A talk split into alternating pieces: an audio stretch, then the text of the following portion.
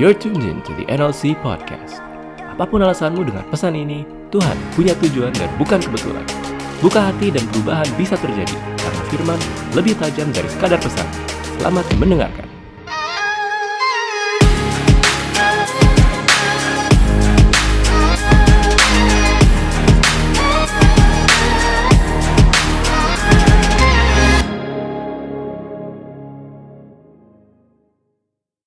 Oke, eh, hari ini saya akan bawakan satu tema yang pastinya minggu-minggu sebelumnya sudah dibicarakan, yaitu tentang purposeful death, ya atau kematian yang eh, apa ya kalau bahasa Indonesia kematian yang eh, bertujuan, kematian yang direncanakan. nah ini satu tema yang cukup unik sebenarnya, purposeful death atau kematian yang bertujuan. Ya banyak dari kita kan sebenarnya hidup, ya mungkin kita punya tujuan hidup tapi kayaknya mati nggak ada yang bertujuan gitu ya kayak eh, ya udah kalau gua mati mungkin nanti uh, karena sakit atau karena kecelakaan mungkin atau karena emang gua udah tua dan gua harus mati. Kita nggak pernah memiliki tujuan matinya kayak gimana gitu ya. Tapi uh, Alkitab akan mengajarkan kepada kita teman-teman bahwa bukan cuma tentang kehidupan bahkan mati itu pun harus direncanakan harus punya tujuannya. Amin. Ya. Nah, teman-teman dalam hidup kita sebagai anak-anak Tuhan, sebagai orang Kristen sebenarnya ada tiga tahapan ya yang harus dijalani atau dilewati oleh seorang percaya. Tahap pertama itu namanya justification. Bilang sama saya, justification. Yang kedua adalah sanctification. Yang ketiga adalah glorification. Ya, justification, sanctification dan glorification. Justification adalah pembenaran, sesuatu yang kita terima itu bukan dari hasil usaha dan perbuatan baik kita, tapi it is only by His grace. Semua karena kemurahannya, semua karena kebaikannya, Dia memberikan kepada kita keselamatan. Bagian kita tinggal percaya, bagian kita tinggal terima. Ya, 100% karya Allah nggak ada sama sekali karya kita. Amin. Itu justification, pembenaran. Dan setelah kita melewati proses yang namanya justification, masuklah kita kepada sanctification. Dan sanctification ini membutuhkan kolaborasi antara Tuhan dan juga manusia. Ya Tuhan nggak bisa maksa kita teman-teman. Tuhan nggak bisa nuntut kita dengan nakut-nakutin kita pakai neraka mungkin. Atau mewajibkan kita untuk taat kepada dia. Nggak ada cinta yang timbul dari kewajiban teman-teman. Cinta itu timbul dari kerinduan. Ya, makanya Tuhan nyatain dulu cintanya sama kita. Justification atau pembenaran itu dikasih sama kita. Secara cuma-cuma sehingga apa hati kita udah terpaut sama dia. Ya, kalau hati kita udah terpaut sama dia, apa pun yang dia minta pasti kita kita lakukan. Ya, dan sanctification ini proses yang dibutuhkan kolaborasi antara Tuhan dan juga manusia. Ya, saya suka mandiin anak saya namanya Dominic ya, usia lima tahun dia dia belum bisa main, mandi sendiri. Jadi papanya sering kali mandiin dia. Dan waktu saya mandiin dia ada kalanya dia benar-benar pasif teman-teman. Nggak ngapa-ngapain, diem, terus main main-mainan gitu kan. Prosesnya jadi agak lama ya. Saya bilang, Domi uh, boleh, dia suka kadang jongkok, kadang berdiri. Saya bilang, tolong berdiri, saya mau disabunin dadanya, punggungnya gitu kan. Dia diem aja, pasif. Dan saya butuh waktu yang cukup lama sampai akhirnya saya bilang, Domi ikut bantuin papa dong buat mandiin kamu. Akhirnya ya, iya iya pak iya pak. Dia mulai gosok-gosok badannya, ya ikut berkolah, kolaborasi. Nah sanctification itu juga bicara tentang kita dan Tuhan. Ya Tuhan nggak bisa maksa kita sehingga kita harus ikut cara kerjanya Tuhan. Sehingga proses pengudusan itu semakin ce cepat. Ya Tuhan pengennya cepat sih, cuma sering kali kita yang memperlama ya dengan respon kita yang salah, dengan cara uh, tanggap kita yang kurang tepat. Ya, makanya sanctification yang hari ini kita akan bahas, ya itu adalah proses yang membutuhkan kolaborasi antara kita dengan Tuhan. Ya. Kolaborasinya seperti apa? Tujuannya gini teman-teman, bicara tentang purposeful death, artinya Tuhan mau kita mati dengan tujuan mati terhadap diri sendiri. Ego kita, kedagingan kita, ambisi pribadi kita. Ya, makanya saya saya kurang setuju kalau ada statement yang bilang kejarlah cita-citamu setinggi langit. Cita-citamu itu artinya ambisimu. Kalau misalkan cita-citanya Tuhan beda sama cita-cita kamu gimana? Ya, makanya saya bilang gini, orang yang mengejar hatinya Tuhan, dia nggak perlu kejar mimpi, mimpi yang kejar dia. Iya, mimpi yang kejar dia. Ya, kamu nggak perlu, oh, gue harus lakukan apa ya supaya gue mencapai titik yang gue mau. No, jangan-jangan titik yang lu mau bukan nggak sama dengan yang Tuhan mau. Cari tahu isi hatinya maka kamu akan dibawa sama Tuhan ke tempat-tempat yang kamu nggak pernah pikirin sebelumnya. Termasuk saya ke tempat ini, berdiri di mimbarnya Tuhan, nggak pernah dicita-citakan, nggak pernah saya rencanakan sebelumnya. Tapi cari hatinya Tuhan. Ya, Tuhan akan bawa kamu ke mana Dia akan bawa kamu. Dan itu bicara tentang mematikan ego teman-teman, ego, kedagingan, ambisi pribadi in order to Kristus itu bisa nyata dalam hidup kita. Aku mau jadi sama seperti Yesus. Tapi gini, kita nggak bisa jadi sama seperti Yesus sementara kedagingan kita itu masih kuat. Kita harus memilih teman-teman. Mau Randy yang nonjol atau Kristus yang nonjol. Saya nggak bisa pengen, oh Kristus biarlah engkau nyata dalam hidup. Aku pengen semakin serupa dengan engkau. Tapi apa, daging gue terus gue kipasin. Ambisi pribadi tetap dipelihara. Nggak bisa. Tidak seorang pun dapat mengabdi kepada dua Tuhan. Kalau kita mau mengabdi kepada Tuhan, kita nggak bisa mengabdi kepada diri sendiri. We have to choose. Kita harus pilih. Amin. Ya. Nah ini proses yang kita mau lewatin teman-teman. Bagaimana caranya mati buat diri sendiri. Ya karena gini, dari justification, sanctification masuk ke glorification. Glorification saat di mana Kristus menyatakan kemuliaan bersama dengan kita. Ya, sehingga suatu hari nanti tunggu tanggal tanggal mainnya. Hari ini kita belajar untuk mematikan kedagingan kita, mematikan diri sendiri. Kalau kita lihat dunia dengan segala isinya, mereka punya prinsip apa? Hidup-hidup aing, suka-suka aing. Dan kita kayak jadi orang Kristen kayak Ih, enak banget ya. Kayaknya dia bebas ngikutin apa aja yang dia mau. Kita harus ngikutin apa maunya Tuhan. Kita harus sangkal diri pikul salib. Tapi nanti Tunggu tanggal, tanggal mainnya. Ketika Kristus dipermuliakan bersama-sama dengan kita, wow. Semua penderitaan, semua masalah, aniaya yang kita alami karena Kristus itu enggak ada bandingannya sama sekali. Sama kemuliaan yang akan kita terima. Glorification. Teman-teman menantikan saat-saat itu? Ya, Gue berharap setiap kita rindu akan saat-saat itu. Lagu jadul tuh. Ada satu apa pertemuan di udara, pertemuan yang manis. Ada yang tahu? Kayaknya gue yang paling tua di sini. saya, saya rindu bertemu di sana, pertemuan di udara. Jadi uh, ini kedatangan Kristus kedua kali. Dulu nggak tahu lagunya, sorry ya, gue salah pilih lagu. Tapi itu benar-benar apa ya? Rindu nggak sih teman-teman? Ya, ketika lu udah habiskan masa muda lu, lu udah persembahkan hidup lu lay it down buat Jesus, buat Yesus gitu. Ya lu rindu gak sih suatu hari Yesus menyatakan kemuliaannya. Ya dan semua lidah akan mengaku, semua lutut akan bertelut. Masalahnya gini, lu termasuk bagian orang yang bertelut karena sukarela. Karena dengan kesadaran lu bertelut di hadapan Yesus dan lu bilang, engkau Tuhan. Atau orang-orang yang harus dipatahin kakinya supaya bisa berlutut di hadapan Yesus. Ya, Biarlah kita jadi bagian yang pertama dan itulah glorification.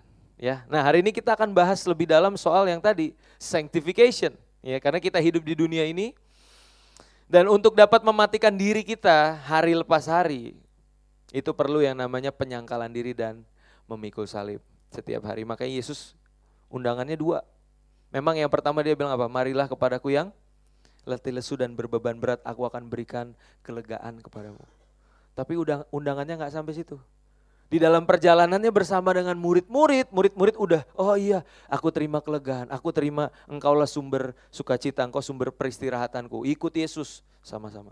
Di tengah mengikuti Yesus, Yesus membalikan wajah kepada mereka dan bilang gini, barang siapa mau ikut aku, ia harus menyangkal dirinya dan memikul salibnya. Setiap hari, ingat setiap hari, bukan cuma setiap minggu. Kalau lu minggu lu baru pikul salib, itu pun salibnya di, di, di kalung. Senin sampai Sabtu lupa. Ya, tapi Yesus bilang setiap hari kita harus sangkal diri dan pikul salib. Nah, di dalam proses tersebut penting untuk punya yang namanya penguasaan diri. Bilang sama saya penguasaan diri. Ya. Kita bilang hari-hari ini ialah jahat, maka kamu harus kuasai dirimu. Ya, penting untuk punya penguasaan diri teman-teman. Ini satu dari sekian banyak buah roh yang kurang populer. Karena diletakkan paling belakang. Kasih, sukacita, damai sejahtera, kebaikan, kelemah lembutan. Kan di depan-depan tuh. Penguasaan diri yang paling terakhir. Padahal, wow, ini penting banget teman-teman. Kalau kita nggak punya ini selesai semuanya. Penguasaan diri. Ya. Salah satu dari buah roh dan bahkan Amsal 16 ayat 32 bilang bahwa seorang yang bisa menguasai dirinya itu melebihi orang yang merebut kota. Lebih daripada seorang pahlawan. Ya, masalahnya bisa nggak kita belajar untuk menguasai diri setiap harinya. Ya, nah di dalam penguasaan diri tadi dibilang ada sangkal diri dan pikul salib. Seperti apa sih penyangkalan diri teman-teman? Ya, deny yourself itu seperti apa? Gini teman-teman, ada dua hal, tiga hal sorry yang saya mau bagikan tentang penyangkalan diri. Itu ketika kita mengalami keberhasilan, ketika kita mengalami godaan atau tantangan, dan ketika kita mengalami hinaan atau cacian atau kegagalan dalam hidup ini. Ya, bicara tentang sangkal diri di dalam kesuksesan. Siapa sih yang nggak mau sukses? Halo. Saya percaya kita semua pengen berhasil, amin. Ya, kalau kita melayani pengennya di dipuji. Wah, bagus ya. Pelayanannya sangat memberkati pengennya gitu. Tapi ingat teman-teman, bicara tentang menyangkal diri dalam kesuksesan dan keberhasilan kita dan penguasaan diri itu, kita harus sadar ketika kita mengalami keberhasilan atau kesuksesan dalam hidup kita, bentuk penyangkalan diri kita, kita akan berkata ini, bukan saya, tapi Tuhan. Kemuliaan hanya bagi dia, bukan bagi bagi dua. Bagi Tuhan dan bagi saya. Soli Deo Gloria. Kemuliaan hanya bagi dia, hanya bagi Tuhan. Ini bentuk penyangkalan diri kita. Karena apa? Kecenderungan kita, kedagingan kita pengennya apa? Dipuji, pengennya dapat sanjungan, akhirnya jadi som, sombong. Nah, ini yang jadi masalah teman-teman. Seringkali kita terima pujian itu buat diri kita sendiri. Mulut sih puji Tuhan, oh puji Tuhan. Kemudian begitu. Tapi dalam hati, asik, asik, seru juga nih dipuji-puji orang. Ya gak? Satu ketika saya pernah melayani, uh, sorry, saya pernah dengar satu pendeta khotbah pendeta yang sangat memberkati hidup saya lewat khotbah-khotbahnya. Sampai ketika uh, beliau selesai khotbah, ibadah selesai, biasa kan salam-salaman ya jemaat, salam-salam salam. Satu persatu salamin beliau dan tiba giliran saya nyalamin beliau dan saya salamin beliau sambil bilang gini, "Om, terima kasih banyak buat setiap khotbah-khotbah Om karena itu sangat memberkati hidup saya dan mengubahkan hidup saya." Saya bilang gitu. Tahu nggak jawabannya apa? Dia sambil sedikit memalingkan wajah, saya di sini dia memalingkan wajah gini terus dia bilang ini, dijauhkan kiranya pencobaan ini daripada aku Tuhan. gue agak-agak syok sih gue, ah, oh iya om. gue gak mengharapkan respon seperti itu sih. Gue pengennya ya orang wajar apa, oh puji Tuhan, puji Tuhan, maju terus ya, gitu kan biasa kan. Ini dia memalingkan wajah sedikit sambil bilang, dijauhkan daripada aku pencobaan ini. Gue langsung mikir, biasanya yang suka nyobain manusia kan setan ya. Masa gue dianggap sama sama kayak setan gitu kan. Tapi di situ saya belajar satu hal teman-teman, ya bahwa seorang hamba Tuhan, siapa pun kita, anak-anak Tuhan harus menyadari, menyangkal diri, artinya kita nggak terima kredit itu buat diri kita sendiri. Tapi kita kembalikan semuanya bagi Tuhan, bukan cuma di mulut, tapi juga di di hati. Sadar gak sih bahwa semua yang kita punya, semua yang kita bisa lakuin, semua itu karena siapa? Karena dia. Dan gak ada tempat buat kesombongan di hadapan Tuhan. Alkitab dengan jelas bilang bahwa Tuhan itu menentang orang yang congkak, orang yang sombong. Ya, satu ketika Gideon, tahu cerita Gideon? Ya, dia diawali dengan uh, panggilan Tuhan yang dahsyat atas masa mudanya. Hai engkau pahlawan yang gagah berani katanya gitu. Padahal dia lagi ketakutan mengirik gandum. Ya, di tengah panggilannya itu uh, terus dia ragu, dia mulai minta tanda sama Tuhan dan seterusnya. Akhirnya dia berani berperang. Ya, mulai dari dia punya puluhan ribu pasukan, terus mulai berkurang jadi cuma sepuluh ribu, Ya, siapa yang takut pulang dari dari puluhan ribu jadi cuma sepuluh ribu. Dan di situ dibilang gini, kata Tuhan masih terlalu banyak, kurangin dikit lagi. Siapa yang minumnya di di sungai dia ambil gini terus dijilat kayak anjing, sama yang berlutut terus minum langsung, yang dia ambil pakai tangannya dibawa ke mulut, itu yang ikut berperang. Sisa tinggal 300. Lu bayangin jadi Gideon, pusingnya kayak apa? Wah puluhan ribu menang, yes pasti bisa menang nih. Tapi dibuat Tuhan jadi 300 dan itu cuma sepele doang, ada yang minumnya begini sama berlutut. Tapi apa? Lu baca deh, uh, sorry, uh, Hakim-Hakim 7 ayat 2. Eh nggak usah dibuka, tapi gini, Tuhan bilang gini. Dari puluhan ribu, kurangin jadi sepuluh ribu, kurangin lagi jadi 300. Kenapa? Kata Tuhan gini, supaya kalau lu menang, lu sadar itu bukan karena lu, tapi karena tangan gua. Wow. Tujuannya itu. Jadi apa pun yang kamu lakukan hari ini, kalau kamu berhasil, jangan terima itu buat diri sendiri, kembalikan buat buat Tuhan. Ya, itu yang pertama. Yang kedua, ketika kita menghadapi kesempatan untuk berbuat tidak taat dalam hidup ini, ya, selalu kita diperhadapkan dengan ini. Kesempatan demi kesempatan untuk taat atau tidak taat. Bicara tentang menyangkal diri, untuk menguasai diri, artinya kita apa? Belajar untuk hidup menurut pimpinan roh dibanding pimpinan daging. Setiap hari kita diperhadapkan dengan itu. Ya, ketemu dengan orang yang ngeselin di jalan, lagi naik motor nih, si Daniel kan naik motor tuh. Tiba-tiba dari kiri diserempet, eh, enggak diserempet ya, disalip gitu. Kaget, nggak pakai sen tiba-tiba muncul. Kalau ikutin daging, maunya gimana? Wow, kejar terus pepet, salib balik plototin gitu kan, puas baru gitu. Ya tapi kalau kita belajar apa ya, menyangkal diri, kita nggak lagi ikutin kehendak daging kita. Kita disalib dari kiri, spion kita kesenggol, Daniel Uber sampai dapat di palang depannya. Yang yang nyenggol takut, ah bang bang ampun bang gitu aja marah bang. Kata Daniel gini, yang kiri udah disenggol, yang kanan belum sekalian. Rohani banget ya. Ya enggak, enggak harus ekstrim itu sih. Maksud saya adalah kalau dijahatin balas dengan yang baik. Nah itu pun butuh penyangkalan diri, menguasai diri. Tanpa itu, bah, ikutin aja daging lo. Ya. Dan itu setiap hari kok, praktikal banget dalam hidup kita sehari-hari selalu diberikan pilihan oleh Tuhan. Ya. Masalahnya kita mau menang atau tidak atas dosa tersebut. Seluruh aspek dalam hidup kita itu perlu penguasaan diri. Makan. Ya, siapa yang suka makan? Tapi kalau nggak bisa nguasain diri, be, siap-siap tuh timbangan jebol. ya nggak? Makan, main game. Main game boleh nggak? Boleh lah, lu capek seharian, suntuk, kerja, butuh refreshing. Tapi kalau lu nggak bisa ngendalin diri, nggak bisa nguasain diri, lu yang dikuasain sama game. Sampai-sampai waktunya jam kerja, waktunya lu bisa uh, quality time sama keluarga, lu malah milih main FIFA gitu kan. Untung gua nggak punya PS4 ya. nggak boleh juga sama istri gua soalnya. Nonton film, ya boleh nonton film. Gue suka nonton film kalau udah malam sama istri gua nonton gitu. Tapi kalau gua nggak bisa nguasain diri, tiap malam lo gue bakal nonton. Besok film apa lagi ya? Cari lagi yuk film yang bagus, tinggal download gitu kan. Nggak bisa nguasain diri, selesai. Tugas-tugas kuliah mana kelar, ya bro. Banyak banget. Bekerja sama, kalau kerja juga nggak bisa nguasain diri, ya akhirnya kita diperhamba oleh kerjaan. Dan mungkin melayani.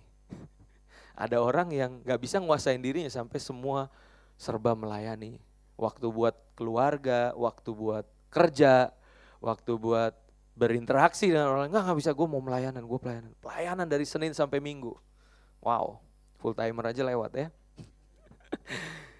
perlu penguasaan penguasaan diri dan gini teman-teman kalau kita mengalami yang namanya dihina dan dipandang rendah oleh orang lain kuasai dirimu karena kita akan mengalami ini cepat atau lambat ya saya mau cerita dikit uh, Sabtu kemarin saya masuk account gereja palsu teman-teman.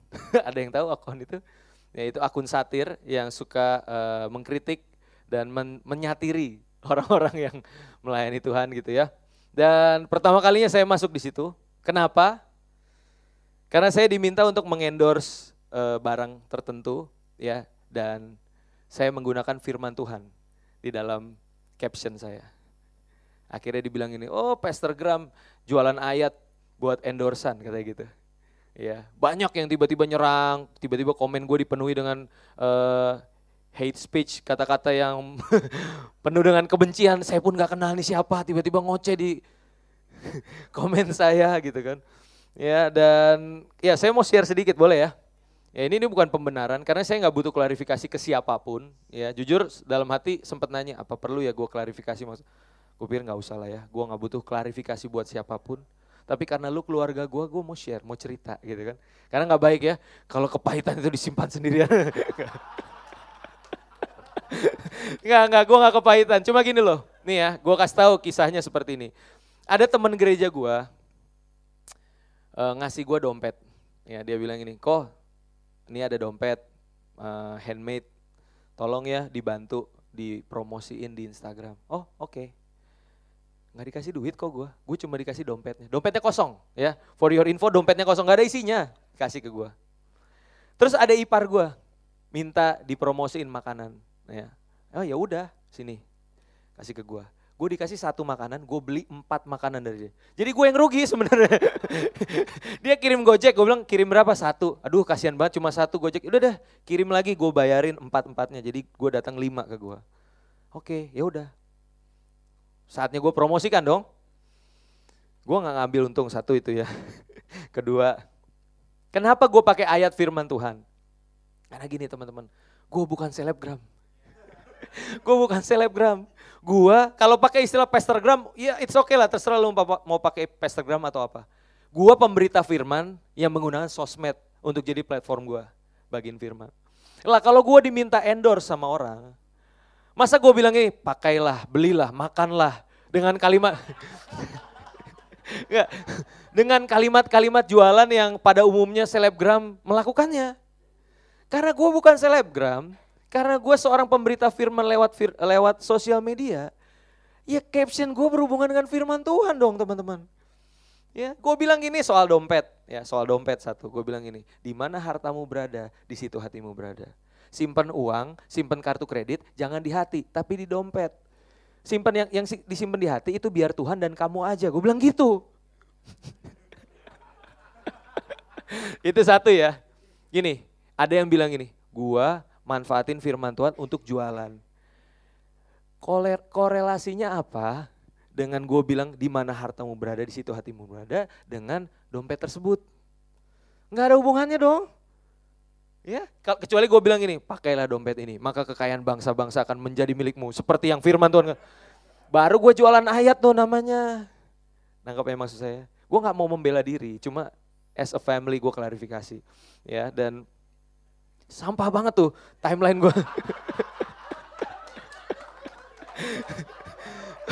Komen gue isinya sampah semua, aduh Tuhan ya kan. Mau gue balas-balasin males gitu. Tapi gue gue teringat satu hal, penguasaan diri. Kenapa sih gue mau bawain tema ini, gue disuruh praktek duluan gitu kan. Iya kalau pengen balas bisa, argumen tadi gue bisa sampaikan. Tapi buat gue buat apa? Ya, gue nggak perlu untuk klarifikasi itu kepada semua orang yang isinya cuma uh, jadi bahasa Alkitab pencemooh, yang ngeledekin, ngebully. Kenal juga kagak saudara bukan. Kalau saudara gua atau orang terdekat gua ngomong, e, Ren, hati-hati deh gini. Gua akan terima dengan rendah hati karena lu sayang sama gua, lu peduli sama gua. Nah ini bukan siapa-siapa, ngoceh panjang lebar, isinya caci maki. Ya, gue cuma teringat satu ayat. Ya, ini keras sih memang. Yesus bilang apa? Jangan kasih mutiara sama babi. Jangan kasih hal berharga kepada anjing. Karena mereka kan injak-injak itu. Percuma gue klarifikasi. Yang ada malah jadi debat panjang. Mendingan gue doain. Semua berhenti jadi jadi babi. Maksud gue semoga berubah ya. Jangan kayak gitu. Jadi manusia lah dikit. ya teman-teman mungkin kalau penasaran bisa cek di postingan gue ya. Yang yang yang belum follow follow lah kalau gitu. Alright, itu ya. Jadi kalau dihina, dijahatin orang, kuasai diri. Jangan marah. Amin. Jangan bales. Ingatkan dirimu bahwa kamu hidup bukan dari perkataan manusia, tapi dari perkataan perkataan omongan manusia, opini, opini manusia itu nggak penting. Tapi apa kata Tuhan tentang kamu itu yang penting. Yang penting hatimu benar, motivasimu benar, argumenmu ada di Alkitab. Nggak perlu takut, ya maju aja. Lagi pula orang mati, siapa tadi yang purposeful death tadi pengen mati dengan tujuan yang benar? Orang mati nggak bisa baper, halo. gue tadinya awalnya baper tuh, pengen bikin di story klarifikasi gitu, layar hitam gue ketik panjang.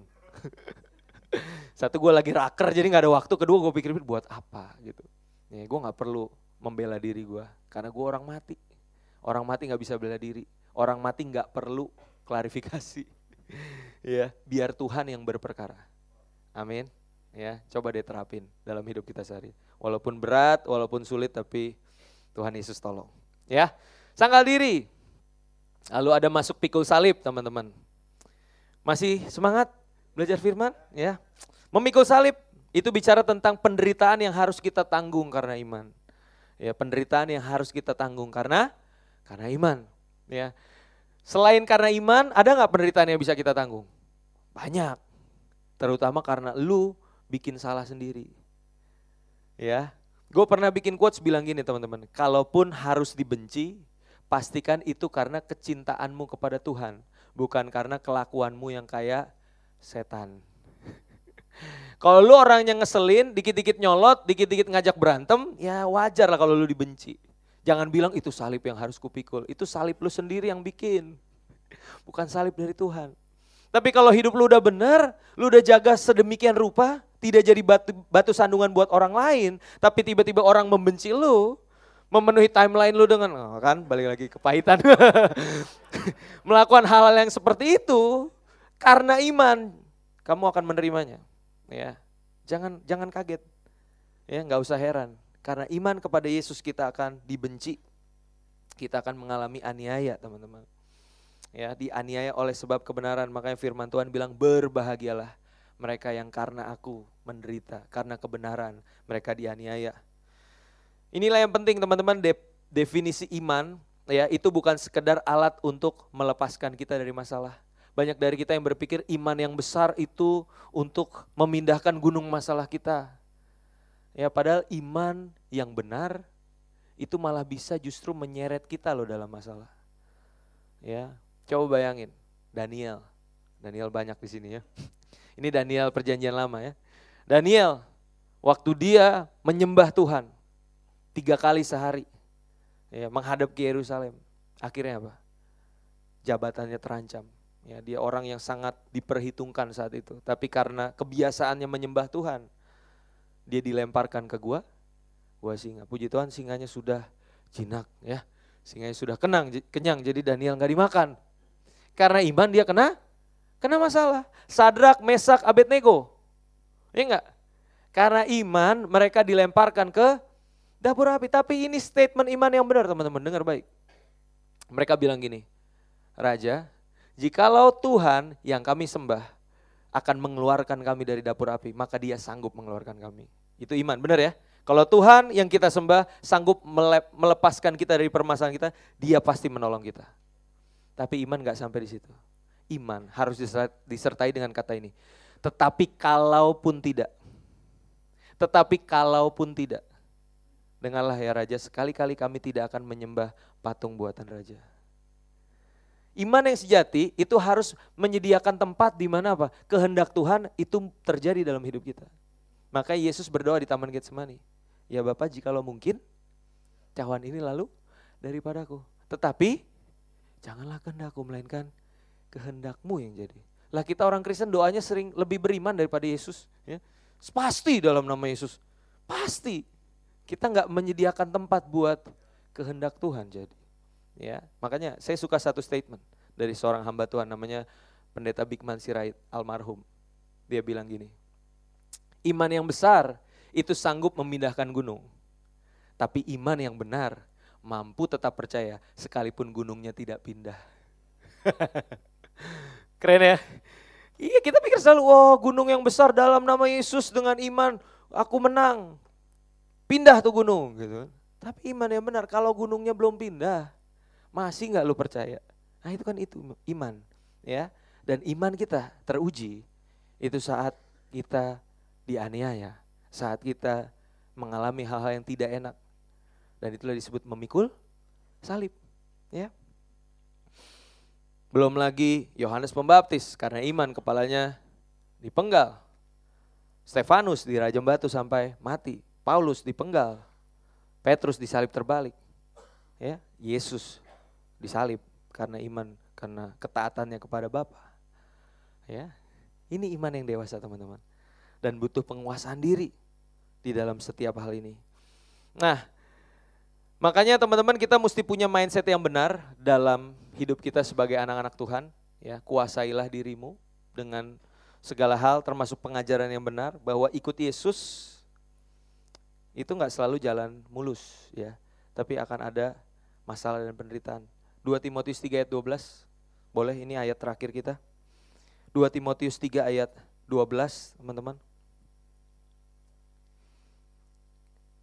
Yang udah ketemu boleh bacakan bersama-sama. 2, 3. Memang setiap orang yang mau hidup beribadah di dalam Kristus Yesus akan menderita aniaya. Catat garis bawain kata akan. Di situ nggak dibilang mungkin atau bisa jadi, nggak. Di situ dibilang akan. Artinya cepat atau lambat kamu akan menderita.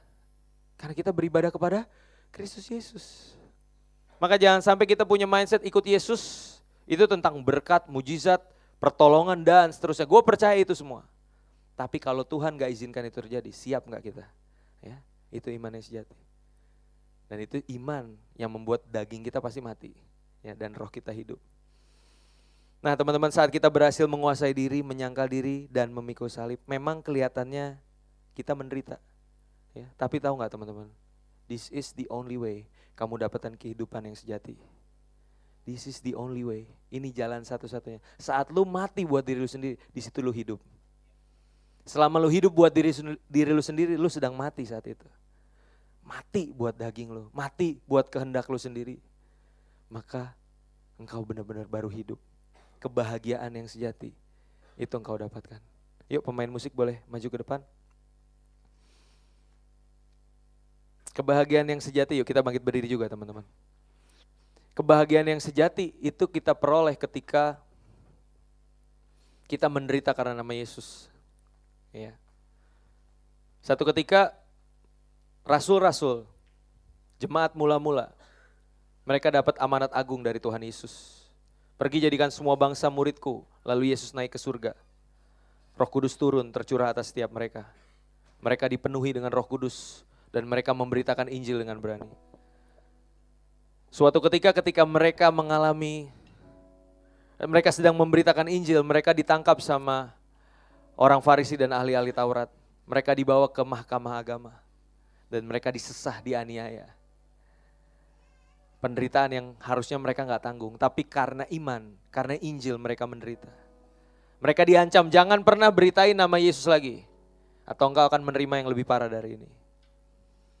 Tapi yang terjadi teman-teman waktu mereka keluar dari dari mahkamah agama itu, mereka keluar dengan gembira kita mencatat mereka saling senggol satu dengan yang lain dan mereka bilang, yes, kita beroleh bagian dalam penderitaan Kristus dan ini lebih mulia dari apa pun juga.